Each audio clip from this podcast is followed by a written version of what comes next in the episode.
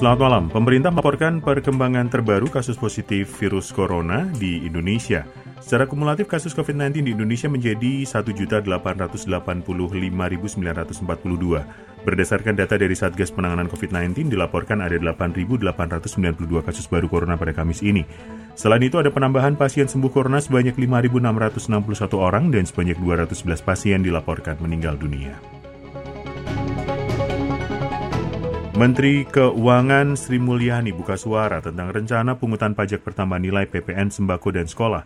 Dalam rapat di Komisi 11 DPR, Menko mengaku masih bingung untuk memberikan jawaban kepada publik.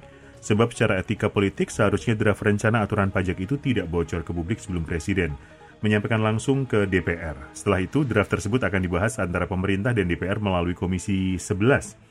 Bila pembahasan final dan kebijakan bisa dikatakan menjadi aturan, barulah pemerintah memberikan penjelasan dan sosialisasi kepada publik.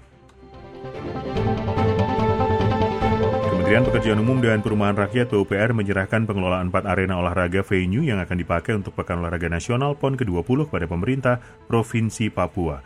Keempat arena tersebut adalah Akuatik dan Istora Papua Bangkit di Kampung Harapan, Distrik Sentani Timur, kemudian venue kriket dan arena hoki di Kompleks Doyo Baru, Kabupaten Jayapura, kemudian arena kriket dan hoki yang dibangun di atas lahan seluas 133.509 meter persegi. Dirjen Cipta Karya Kementerian PUPR Diana Kusumastuti berharap arena tersebut tidak hanya bermanfaat bagi pengembangan prestasi atlet, namun juga untuk mendorong perekonomian di Papua. Demikian Sonora Update.